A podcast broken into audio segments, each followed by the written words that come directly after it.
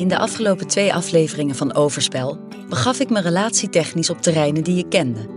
Zowel een monogame als een open relatie heb ik gehad. Maar nog nooit meerdere relaties tegelijkertijd.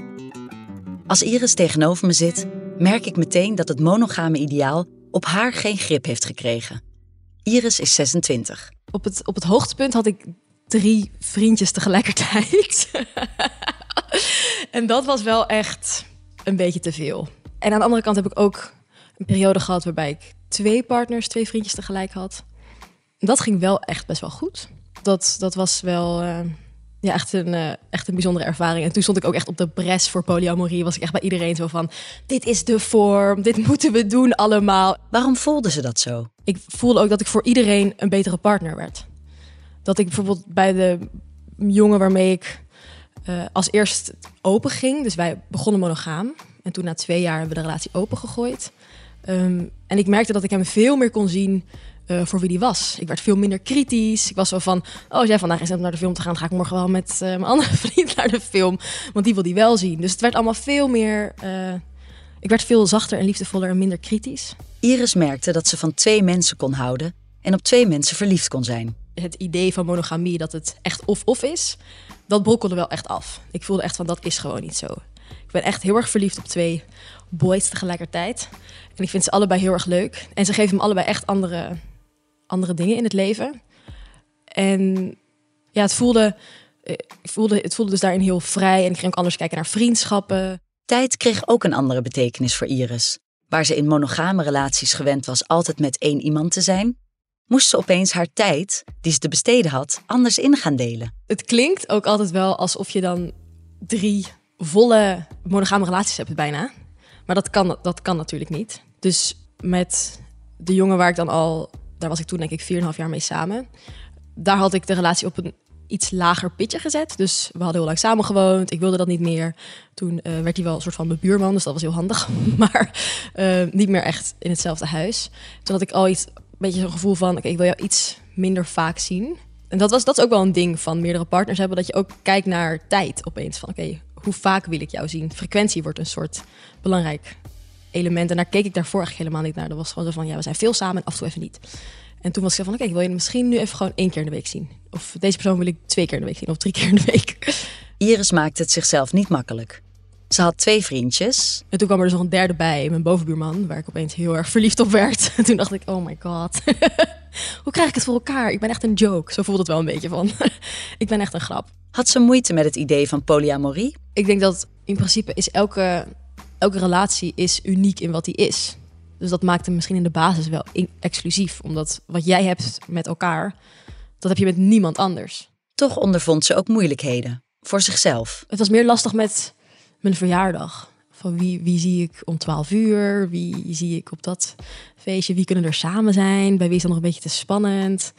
Dat was best wel puzzelen. En voelde ik me ook weer schuldig dat ik dan zei van oké, nee, lijkt me handig als eerste partner en tweede partner of derde partner dan samen zijn. En dan tweede partner komt dan op een ander moment.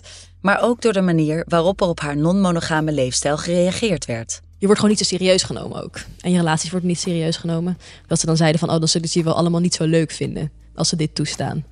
En dan, dan dacht ik echt, okay, gewoon even slikken, doorademen. Ik ga hier niet, ik ga niet in, uh, in deze discussies. Ik heb geen zin in. Ze merkte ook dat er op haar partner anders gereageerd werd dan op haar. Ik weet wel dat toen de relatie net open was, uh, dus toen, dat is, dat is al drie jaar geleden denk ik, toen werd mijn partner echt soort van gehighfived door mensen van... Oh, nice man, je hebt gewoon en een rela en je kan andere chimies fixen.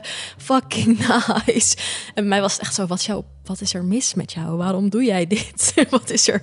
Mijn man is het zo super logisch. Zo van, ja, tuurlijk wil je, tuurlijk wil je andere chicks. Want dat zit al ook echt al tijden in onze cultuur van mannen hebben minnaressen. Die gaan met de secretaresse. En ook vrouwen hebben dat beeld van, ja, dat is wat mannen doen, dat is prima. Maar als je als vrouw uh, meerdere partners hebt of um, daar, daar behoefte aan hebt, dan word je wel gewoon ook wel gezien inderdaad als, als een vrouw die heel veel seks wil of zo. En dat wordt ook geproblematiseerd. Zo dat nymphomanie-achtige achtige idee erachter, denk ik. Seksverslaafd. Niet alleen mensen die wat verder van haar afstonden reageerden zo. Mensen als zien als iets bijna pathologisch. En dat deed mijn moeder ook wel van... Uh, je, hebt, je hebt extreem veel bevestiging nodig van mannen, of extreem veel veiligheid nodig, of er is dus iets mis in je relatie. Dus zij zat meer in, in die hoek. En uiteindelijk is dat nooit helemaal rechtgetrokken, geloof ik. Het idee dat je in een polyamoreuze relatie, omdat je zelf met anderen gaat, minder last hebt van jaloezie, is natuurlijk een fabeltje. Het is, het is ook wel echt heel spannend. De eerste periode heb ik me ook wel echt super slecht gevoeld. Het voelde echt wel als dat je bijna dacht van nee, dit, dit kan gewoon niet goed zijn. Want het doet zoveel pijn dat hij nu met iemand anders is geweest. Ik heb echt, ik ben, voel me zo afgewezen. En het rotte is dan, je mag dan niet boos zijn. Want je hebt afgesproken dat het mag.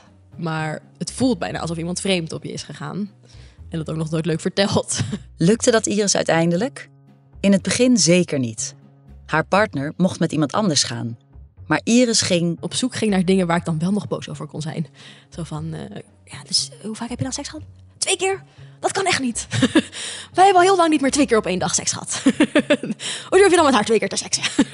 en dat hij zo, wat?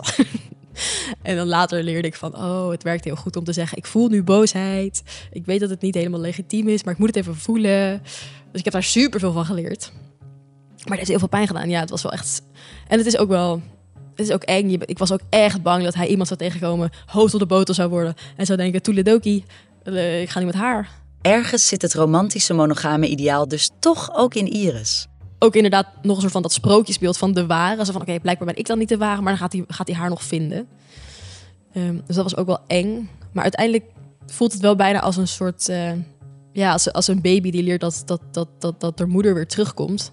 Zo, zo voelde het echt als, ik, als hij dan op een date was geweest en hij kwam weer terug. Dan was ik zo van, dan, dan kwam er steeds meer vertrouwen en steeds minder angst. En uh, op een gegeven moment voelde ik eigenlijk bijna geen jaloezie meer. Geen spanning omtrent hij die op dates ging.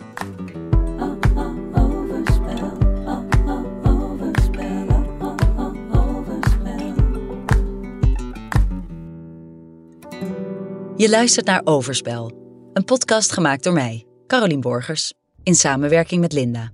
Dit is aflevering 3, Jaloezie. Dat is dus ook weer interessant, want jaloezie als je dat zou uitkleden, wat is jaloezie eigenlijk? Jaloezie is ook heel erg het idee dat als jij iets doet waar ik jaloers van word, heb ik daar geen controle meer over, want jij maakt mij jaloers. Ik maak mezelf jaloers als jij iets doet. Je hoort specialist seksuele ontwikkeling Anna Mara Jansen. En hoezeer ik het ook met haar eens zou willen zijn, het klinkt ook als hogere meditatieve wiskunde. Dus hoe zou ik moeten reageren als mijn partner verliefd wordt op iemand anders? Jeetje, jij voelt je heel erg goed en je bent ontzettend gelukkig uh, omdat je nu even verliefd bent op iemand anders. En wauw, wat, wat, wat gun ik jou dat? En wat brengt dat ons eigenlijk nog meer in verdieping in hoe we samen zijn, in onze liefde, in jou als liefdevol mens? Uh, dan is het een hele andere manier van er naar kijken. Dat is het zeker. En ik zou dat ook heel graag doen. Maar misschien is het omdat ik mezelf ken als ik verliefd ben. En dan ben ik eigenlijk niet meer voor reden vatbaar. In mijn open relatie, die vanaf het begin open was, werd ik op het einde, na zes jaar, verliefd op iemand anders. Rea Darens, relatietherapeut voor non-monogamisten en schrijver van het boek Een open relatie niet voor watjes, is een expert op dit gebied. Ik vraag haar hoe zij naar verliefdheid kijkt. Ja, dat is, Caroline, wat een ontzettende goede vraag weer. Het is mijn enemy number one, verliefdheid. Enemy number one. Ja, zo voelde het voor mij ook. Volgens Robin Dunbar, Engels antropoloog en evolutiebioloog, heb je twee hypotheses van verliefdheid: de aandachtshypothese en de afbuigingshypothese. Rea legt het me uit. In het ene geval merk je dat je verliefd kan worden op iemand anders en dat je daar een heel lekker gevoel van krijgt. Dat je, wauw, geweldig. Maar je neemt het mee naar huis. Dus dat is niet iemand die je er helemaal onderuit schoffelt. Want als je thuis komt, denk je: hé, hey, ik heb ook nog een hele leuke partner. In het andere geval krijg je dat een verliefdheid ervoor zorgt dat als het ware de schellen van je ogen vallen. En dat je denkt, ja, ik ben al twintig jaar samen, maar dit, dit is mijn ware liefde. Nou, je snapt, ik heb meer moeite met zo'n verliefdheid dan met welke vorm van jaloezie ook. Dus op het moment dat een verliefdheid beteugeld kan worden, dat iemand zich nog steeds in de hand heeft, dat voelt al een stuk verder aan dan wanneer die verliefdheid de overhand krijgt. En zo'n verliefdheid is heel lastig om mee om te gaan. De afbuigingshypothese is dus het gevaarlijkst. Hoe uit die hypothese zich? Je merkt het aan afspraken. Afspraken kunnen niet gehouden worden. Dus uh, er wordt bijvoorbeeld aangegeven: uh, oké, uh, je kan deze geliefde één keer in de week zien en dan worden gesmokkeld. Want ja, er moet ook nog even wat langsgebracht worden. Oh, en er was nog even dit, een boekje. Oh, er is nog een kastje wat gerepareerd moet worden. En daarin merk je dat dat smokkelen gebeurt. Dus afspraken worden niet gehouden. Afspraken over appen. Altijd altijd die mobiel in de hand, continu eigenlijk in verbinding. Dus je merkt vooral aan het, aan het houden van die afspraken, daarin kun je merken uh, uh, hoe dat met zo'n verliefdheid werkt. Ja, dit ging bij mij volledig mis. Ik zat in een open relatie, maar ging vreemd door me niet aan de afspraken te houden. Was er nog een weg terug geweest? Rea vertelt me dat zij merkt bij de stellen met wie ze werkt dat het soms helpt om de pijn en het verdriet van je partner te zien. Dat kan een soort eye-opener zijn om je verliefdheid te beteugelen. Maar soms merk je ook dat iemand uh, die kan, die kan het echt gewoon niet loslaten. En na twee jaar dan, dan verdwijnen die hormonen wel. Maar dat zijn stellen die die twee jaar aan kunnen. Die komen er ook wel doorheen, maar dat zijn twee hele zware jaren en niet iedereen haalt dat. Als het op non-monogame relaties aankomt, is een onderwerp en punt van discussie dat altijd terugkomt als je je relatie opengooit vergroot je dan niet heel erg de kans dat je gevoelens krijgt voor iemand anders? Je hoort Eva, die al zes jaar polyamoreus leeft. Ze wordt vaak verliefd en ze legt me uit dat daar een naam voor is. Dat is een, een polyterm, NRE, New Relationship Energy. En dat is echt een heel bekend ding in de non-monogame wereld. Mm, om de staat van zijn te beschrijven als je elkaar net hebt leren kennen en super verliefd bent. Ja, dat is een staat van complete gekte. Er is één ding wat ze bij NRI zeggen.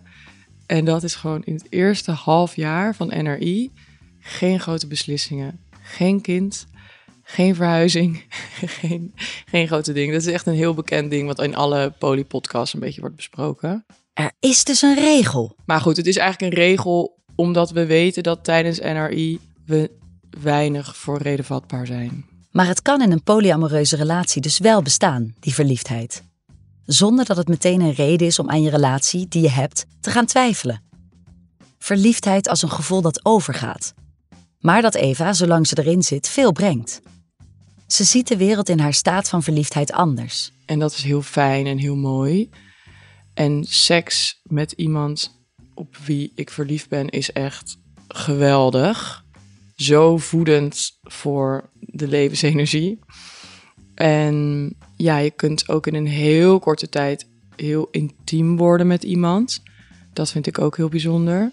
Dat ik heel dicht bij iemand kan komen en die ander heel dicht bij mij. Dat kan met verliefdheid in mijn beleving echt veel meer dan zonder verliefdheid. Ja, ik voel me over het algemeen veel mooier ook als ik verliefd ben. Het is echt alsof ik door het leven een beetje zo dans. En ik voel me heel gewild. Ja, dat is eigenlijk allemaal heel, heel leuk. Exciting. In mijn beide relaties werd ik verliefd op iemand anders. Betekende dat dat de relatie al op zijn eind liep? Was het een voorbode voor wat sowieso ging komen? Of had ik het tij kunnen keren door, zoals de non-monogamisten doen, de verliefdheid te laten bestaan, maar die niet te serieus te nemen? Zoals een golf die je overspoelt, maar die daarna weer wegtrekt. In mijn open relatie hebben we geprobeerd de verliefdheid te incorporeren in onze relatie. Daarvoor stelden we regels op. Zo hadden we een afspraak dat ik de persoon op wie ik verliefd was twee keer per week kon zien. Eén keer een korte afspraak, koffie of lunch, en één keer per week een langere date, bijvoorbeeld een diner of een avond. Mochten die dates niet opgemaakt worden in één week, dan gingen ze niet mee naar de volgende week. Mocht er spontaan behoefte zijn om de ander te zien, dan was daar ruimte voor. Maar dan nam die spontane date de plek in van de date die die week gepland stond. Ook zou er alleen beperkt contact zijn per telefoon of WhatsApp, zodat de focus gedurende de week op de primaire relatie bleef. Als ik het zo teruglees, zijn het bijna regels die in polyamoreuze relaties gemaakt worden. En ik vond het heel lastig om me eraan te houden. Als ik Eva naar haar regels vraag, corrigeert ze me meteen. Dat noemen, noemen we geen regels. Wij noemen dat geen regels. Wij noemen, wij noemen dat afspraken. Bij ons in huis noemen we dat geen regels. ja, er zijn absoluut afspraken. Mijn nesting partner bijvoorbeeld vindt het niet fijn als ik seks heb in ons bed, ook als hij er niet is. Nou hebben we een logeerbed, dus dat is mooi. Een nesting partner is een term uit de polywereld. Het betekent de partner met wie je samenwoont in een huis. Vanaf het moment dat ze met elkaar gingen daten, was Eva duidelijk over hoe ze een relatie voor zich zag. Voordat wij gingen zoenen, heb ik gezegd van, ik wil dat je weet dat non-monogamie de enige manier is hoe ik een duurzame relatie voor me zie. En ik had toen heel veel geluk, want hij had dat ook. Hij heeft het wel vanuit een andere motivatie dan ik, maar we hebben het wel allebei. Wat bedoelt ze met een andere motivatie? Meer filosofisch zou ik zeggen. Vanuit het idee dat als je iemand, als je iemand lief hebt, dat je die dan vrijlaat. En vanuit het idee van vertrouwen, niet controleren. Dat is meer bij hem dan dat hij echt voelt van ja, ik wil heel veel met veel verschillende mensen in mijn leven. Dit doet me denken aan het gesprek met Hanna in aflevering 2. Zij opende haar relatie omdat ze zichzelf en haar partner ruimte wilde geven om zichzelf te kunnen zijn in alle facetten en aspecten van hun persoonlijkheid. Eva benoemt een denkfout die soms gemaakt wordt over polyamorie. Dat alle partners op een weegschaal staan. Ook een beetje vanaf buitenaf wordt heel erg het beeld opgelegd van het moet heel erg gelijk zijn. Hoeveel sekspartners je hebt of hoeveel relaties, anders dan is er een disbalans. Terwijl eigenlijk als je doortrekt het idee, de filosofie achter non-monogamie is ook dat je seks misschien eh, niet zo exclusief maakt als activiteit of als verbindende activiteit. En dan kun je dat doortrekken en zeggen van oké, het gaat meer om dat je iemand vrijlaat in zijn leven om te doen en niet per se alleen maar rondom seks. Dus hij is bijvoorbeeld heel fanatiek met uh, sporten mm, en wil heel veel daarin reizen en reizen maken en lange twee maanden weg om te kamperen. En zo zegt hij dat ook van hij ziet dat als onderdeel van hoe we elkaar vrijlaten en hoe we niet passen binnen een, eh, binnen een monogaam beeld. Toch was het voor Eva niet makkelijk om tot deze vorm te komen. Dubbele standaard. Voor mannen wordt het als veel normaler gezien dat zij met meerdere, tot meerdere mensen aangetrokken zijn, uh, van meerdere mensen opgewonden raken dan voor vrouwen. Uh, bij vrouwen wordt het gezien als uh, afwijkend. Eva ziet haar non-monogamie niet als een gekozen leefstijl. Ik heb me er heel erg voor geschaamd. Ik heb me een aandachtsgeile slet gevonden. Uh, ook van mijn omgeving. Um, veel mensen, dat is eigenlijk een beetje vergelijkbaar met het begin van hoe er tegen homoseksualiteit aangekeken werd. Dat het heel erg werd gepathologiseerd. Het wordt heel snel geplaatst in het idee dat het een eh, ziekte is of dat het wel te maken moet hebben met een bepaald trauma.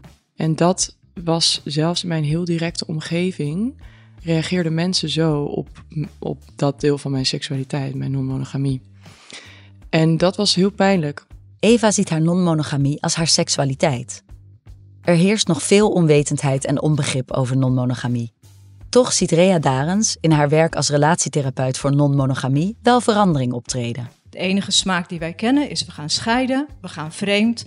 Um, en een open relatie is wat dat betreft, ik kan niet zeggen nieuw, want we hebben de jaren 60 en 70 gehad. En toch wordt het niet echt gezien als een vorm waar je voor zou kiezen. Terwijl het op dit moment heel erg actueel is. Als ze om zich heen kijkt en terugblikt op de twaalf jaar dat ze nu dit werk doet, wat is dan haar idee over monogamie? Ik denk dat we gemaakt zijn voor monogamie en non-monogamie. En ik denk waar wij nu naartoe gaan, het lijkt soms wel alsof we in een soort relationele revolutie zitten. En het lijkt alsof waar we nu naartoe gaan, is dat monogamie en non-monogamie elkaar veel meer af zullen wisselen. Dus ik zie bij pubers bijvoorbeeld, die zijn in de start al veel non-monogamer dan dat mijn generatie toen de tijd was. Ik zie ook dat ze daarna ineens juist een hele bijna conservatief monogame relatie kunnen hebben. Totdat ze bijvoorbeeld weer in de dertig zijn, dan kunnen ze gaan swingen, gaan ze spelen in de seks. Maar op het moment dat de kinderwens er is en ze krijgen kinderen, dan zie ik net zo makkelijk dat ze ineens weer een hele monogame fase ingaan. Blijkbaar om een, wellicht een veilig nest op te tuigen. Daarna zie ik op het moment dat die kinderen ouder worden, kan er ineens weer een fase van non-monogamie komen. Waarbij ze dan meer de open relatiekant uitgaan en vaste verbindingen aangaan met, met, met andere geliefdes. Waarbij nog wel een hiërarchie aanwezig kan zijn. En op het moment dat mensen scheiden, dan kunnen ze ineens ook kiezen echt voor polyamorie van uh, Nu gaan we alleen altijd gewoon non-monogame verbinding aan. Ik vind dit dus niet gek klinken. Voor elke levensfase een verschillende relatievorm. Rea heeft wel een disclaimer. We hebben echter geen cijfers als het gaat om non-monogamie over hoe duurzaam non-monogame relaties zijn. Maar goed, dan moeten we eerst weten wat we verstaan onder een duurzame relatie. Is dat een stel dat heel lang bij elkaar blijft? Of een stel dat heel verbonden met elkaar is in de korte periode of lange periode dat ze met elkaar zijn? De stellen die bij haar komen kiezen voor non-monogamie. En Rea helpt ze door te werken met de EFT-methode, Emotionally Focused Therapy. De kracht van EFT is dat het de emotionele band, dus de veilige hechting tussen partners, versterkt. En binnen um, open relaties wordt jaloezie bijvoorbeeld als een groot probleem gezien. En onzekerheid en angst. En ik merk dat op het moment dat de veilige hechting tussen partners versterkt wordt, dan gaan deze emoties omlaag. Dus je zou je af kunnen vragen: wat is nu daadwerkelijk het probleem bij open relaties? Is dat de jaloezie en de angst en de onzekerheid? Of is het eigenlijk dat je te maken hebt met een hechting die niet sterk genoeg is? En zodra we die versterken, dat je dus merkt dat deze emoties omlaag gaan. Veiligheid en hechting als voorwaarde voor zowel monogame als open relaties. Maar omdat je bij een open relatie meteen moet dealen met heftige gevoelens als onzekerheid en jaloezie, komt de mate van veiligheid en hechting sneller aan de oppervlakte. Volgens Rea kan het belang daarvan. Dit kan gewoon niet onderschat worden. En uh, um, zolang het onveilig blijft, blijft de paniek ook. En zolang de paniek blijft, blijven de emoties van jaloezie, uh, onzekerheid en angst. En je merkt ook op het moment dat die veiligheid er is, dan kan er ook een heleboel, dan is er veel meer mogelijk dan wat je gedacht had. Eigenlijk bereiden mensen in non-monogame relaties zich voor op situaties die ontwrichtend kunnen zijn binnen die relatie. Zoals verliefdheid op iemand anders of seksuele aantrekking tot iemand anders. En ze doen dat door een veiligheid te creëren die niet gebaseerd is op het natuurlijke uitgangspunt dat je met elkaar en voor altijd met elkaar bent en dat dat gewoon het gegeven is, maar op basis van het uitgangspunt dat je twee mensen bent met verschillende en soms wisselende interesses en manieren van leven. Juist de dingen die moeilijk zijn om te bespreken, bespreken. Dat voelt als een realistische manier van samen zijn. Veiligheid creëren. Maar hoe doe je dat in een open relatie bijvoorbeeld? Zit dat in alles elkaar vertellen of juist in het doseren van de informatie? In mijn open relatie kwamen we daar niet uit. Ik wilde niks weten over zijn belevenissen en hij vond het juist fijn om die van mij wel te horen. Dat zorgde voor een disbalans. Eva legt uit hoe zij dat doet in haar relatie met haar nestingpartner. Dat is een beetje een rocky road, zou ik zeggen. Dus dat is iets om samen achter te komen. En dat is ook in iedere relatie die ik heb, is dat weer anders. Zijn die behoeftes van mensen rondom wat je wel of niet wil weten anders? Het is een heel bekend fenomeen. Als je begint met non-monogamie, dat heb ik ook gehad. Dat je dan alles wil weten en alles uitvraagt van je partner. En andersom vaak ook. En dat is een soort, zie ik in ieder geval als schijncontrole, heb ik bij mezelf ervaren. Ik ging dan alles vragen, dus standjes. Waar heb je gelikt? Hoe lang hebben jullie dit gedaan? Hoeveel orgasmes zijn er geweest? Terwijl, dat was mijn manier om grip te krijgen eigenlijk op de situatie. Terwijl dat eigenlijk helemaal niet hielp. Dus op een liefdevolle manier elkaar beschermen tegen te veel informatie, maar niet in het ongewis laten door te weinig informatie te delen. Het lijkt me een constante balans, een constante zoektocht. Ik vond dat met één partner al moeilijk. Laat staan met meerdere. Zeker als die niet zo bekend zijn met non-monogamie. Je hoort Iris vertellen over hoe zij alle drie haar partners bekend moest maken met de vorm die ze gekozen had. Dat werd echt werken. Het was echt zo van, ja, die voelt nu jaloezie, maar dat is een gevoel wat over kan gaan. Ik zat echt van de hele tijd bij iedereen zo te therapeuten van, uh, dit, nee, het is echt leuk ook. het werkt echt. Jij mag ook met anderen gaan. Misschien wil je dat nu niet, maar straks vast wel. Dus dat, dat, ik dacht van, ja, het was makkelijk geweest als we al in een soort meer polyamoreuze samenleving hadden geleefd. Dan was het en iedereen er al meer aan gewend was, dan was het denk ik makkelijker gegaan. Maar omdat het nu voor veel mensen nieuwig was en ze voor deze vorm kozen, ook al omdat ik in die vorm zat, um, werd het gewoon echt hard werken. Het zou makkelijker zijn als we al in een meer polyamoreuze samenleving hadden geleefd, zegt Iris. Dan moet er nog wel heel veel veranderen met betrekking tot het stigma dat op non-monogame relaties zit. Uit een onderzoek uit 2017 komt naar voren dat mensen die in een monogame relatie zitten op alle vlakken positiever beoordeeld worden dan mensen in non-monogame relaties. Zo wijst het onderzoek uit dat mensen denken dat non-monogamisten minder vaak flossen en hun hond minder vaak uitlaten dan mensen in een monogame relatie. Het, het raakt denk ik ook wel aan een soort van in de maatschappij als mensen heel mensen konden echt defensief reageren of bijna gefrustreerd of zo. Dat ik ergens dacht van eh, het is misschien ook wel iets wat we onszelf heel lang hebben ontzegd in het monogame ideaal. Um, mensen hebben echt hard gewerkt om hun monogame relaties te laten werken. En als iemand dan opeens zo van, ja, ik neem er gewoon drie. dat mensen van, ja, doe normaal. Nee, dat hebben we afgesproken dat we dat niet gaan doen. Dat is dat, dat, uh, dat, uh, dat, mag, dat mag bijna niet of zo. Of mensen die single zijn, zo van, hoezo, ik, ik heb geen vriend en jij hebt er zoveel. Dus er zit daar ook een soort frustratie in vanuit de maatschappij. Wat volgens het onderzoek ook bijdraagt aan dat stigma, is dat het gezien wordt als een vorm van relatie die maatschappij ontwrichtend is. Het raakt direct aan de kern van de functie van romantische liefde: een kerngezin voortbrengen. Same-sex huwelijken, dus huwelijken tussen twee mannen of twee vrouwen, worden volgens dit onderzoek warmer verwelkomd dan relaties met meerdere mensen. Omdat die eerste tenminste nog het kerngezin als doel hebben. Twee mensen in een relatie en eventueel kinderen die daarbinnen opgroeien. Eva ziet daar wel enige verandering in ontstaan, maar nog niet veel. In Nederland ook zijn er steeds meer, meer oudergezinnen en samengestelde gezinnen. En dat is natuurlijk ook een vorm van niet traditioneel je relationele seks, kinder, gezinsleven inrichten. Maar op een of andere manier heb ik niet het idee dat die heel erg samenkomen of ja, die groepen, dus de groepen mensen die niet traditionele relaties hebben of gezinsvormen in Nederland, die werken nog niet echt heel veel samen. Of daar, is niet heel veel overlap. Het zijn best wel losse scenes of zo. Terwijl eigenlijk heeft het natuurlijk heel veel met elkaar te maken. Ik zie wel dat het veel geaccepteerder is, samengestelde gezinnen, dan... Ik ben natuurlijk zelf niet iemand, dus ik heb niet die geleefde ervaring. Maar ik heb wel het idee dat mensen er accepterender naar kijken samengestelde gezinnen en scheiden en dan opnieuw iemand. Dus dat is, het is inderdaad seriële monogamie. Simon van Saarlo schreef in 2015 het monogame drama, een pleidooi voor multi-intimiteit. Het politieke aspect van polyamorie interesseert Simon meer dan het persoonlijke. Kijk, ik ben minder geïnteresseerd in wat mensen in bed of uh, in binnenshuis denken. Ik ben geïnteresseerd in het feit dat ze een binnenshuis hebben. Dus het feit dat je een hypotheek kunt krijgen met twee personen als een koppel, maar dat het veel moeilijker is om bijvoorbeeld huisvesting, uh, om toegang te hebben tot huisvesting als een groep mensen. Um, ik ben geïnteresseerd in het feit dat het huwelijk voor twee mensen bedoeld is. En dat, dat, zo, dat, dat, dat het huwelijk voordelig is voor mensen die rijk zijn.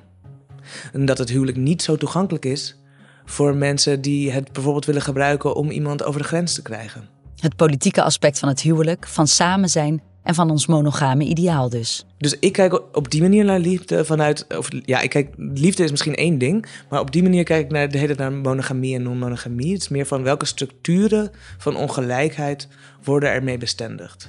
En die beschermingsdrang die zit eraan vast. Het idee van een huwelijk voor twee mensen... met regels waaraan die mensen moeten voldoen... het is een afgesloten systeem. Een exclusief systeem eigenlijk. Los van het romantische idee dat twee mensen ten overstaan van hun vrienden en familie elkaar de liefde verklaren, is het huwelijk ook een toonbeeld van hoe we vanuit schaarste en bezit denken. Het schaarste denken is het idee dat er uh, een soort natuurlijke, al bekende hoeveelheid is van iets. Of dat nou een hoeveelheid spullen is, uh, een hoeveelheid uh, resources, bronnen in de wereld. Um, en het komt op met het kapitalisme op een bepaalde manier natuurlijk, omdat je schaarste nodig hebt om waarde te creëren. Dus iets moet een schaars goed zijn om van waarde te zijn en om duur te kunnen verkopen, om het zo te zeggen. Uh, ook labor, werk, uh, moet schaars zijn, moet schaars te verkrijgen zijn uh, om, om, om duur of van waarde te zijn. werk wat iedereen als het ware kan doen, is, wordt ook als goedkoop gezien. Het zit in de liefde omdat het een bepaald idee is uh, dat er een hoeveelheid liefde is die jij kunt krijgen en kunt geven. En die dus in één ander besloten zit. Specialist seksuele ontwikkeling Anna-Mara Jansen sluit zich daarbij aan. We denken vaak dat als jouw partner verliefd wordt op iemand anders... of je wordt zelf verliefd op iemand... of uh, nou, je zou seks willen met meerdere partners... dat er dan minder overblijft voor degene met wie je op dat moment bent. Terwijl dat natuurlijk niet waar is. Het is niet zo dat er dan een stuk van de taart afgaat en dat er dan minder liefde is. Er is juist meer liefde in iemand. En het is niet zo dat als ik ook van iemand anders hou, dat ik dan minder van mijn partner kan houden. Het is eerder zo dat ik me dan zo vol liefde zit dat ik misschien nog wel meer van mijn partner ga houden. Het idee van overvloed, in tegenstelling tot schaarste, zit niet in ons denksysteem. Het is een manier van denken en voelen die heel veel werk vereist. Bereid zijn om niet vanuit angst te leven voor verlies, maar vanuit gunnen en geven. Dat kan denk ik niet in elke relatie. Daar heb je een basisgevoel van vertrouwen en veiligheid voor nodig. Dat is denk ik de kern van een goede relatie. In de volgende en laatste aflevering van Overspel duik ik dieper in dat vraagstuk. Je hebt altijd een paar dingen die iedereen zegt als je ze interviewt over hun liefde. En zeggen ze ook allemaal: Ik wil gezien worden. Nou ja, dat, dat is toch echt het allerbelangrijkste. Gezien worden in je behoeften, gezien worden in wie je bent. En natuurlijk is die seks daarvan een belangrijk onderdeel. Maar die seks die is, die blijft niet lang duren als uh, als die, of die behoefte aan die seks blijft niet lang duren als, als je niet ook in andere opzichten gezien wordt. Ik denk dat dat echt heel belangrijk is voor mensen. Esther Perel zegt daarover: Sometimes, when we seek the gaze of another, it isn't our partner we're turning away from, but the person we have become. We are not looking for another lover so much as another version of ourselves. In deze vierde aflevering maak ik ook de balans op met betrekking tot mijn eigen relaties. De verliefdheden op anderen zorgden in beide relaties voor een verschuiving in mijn denken en voelen over mijn bestaande partner. Maar als ik had geweten wat ik nu weet, had ik het dan anders gedaan?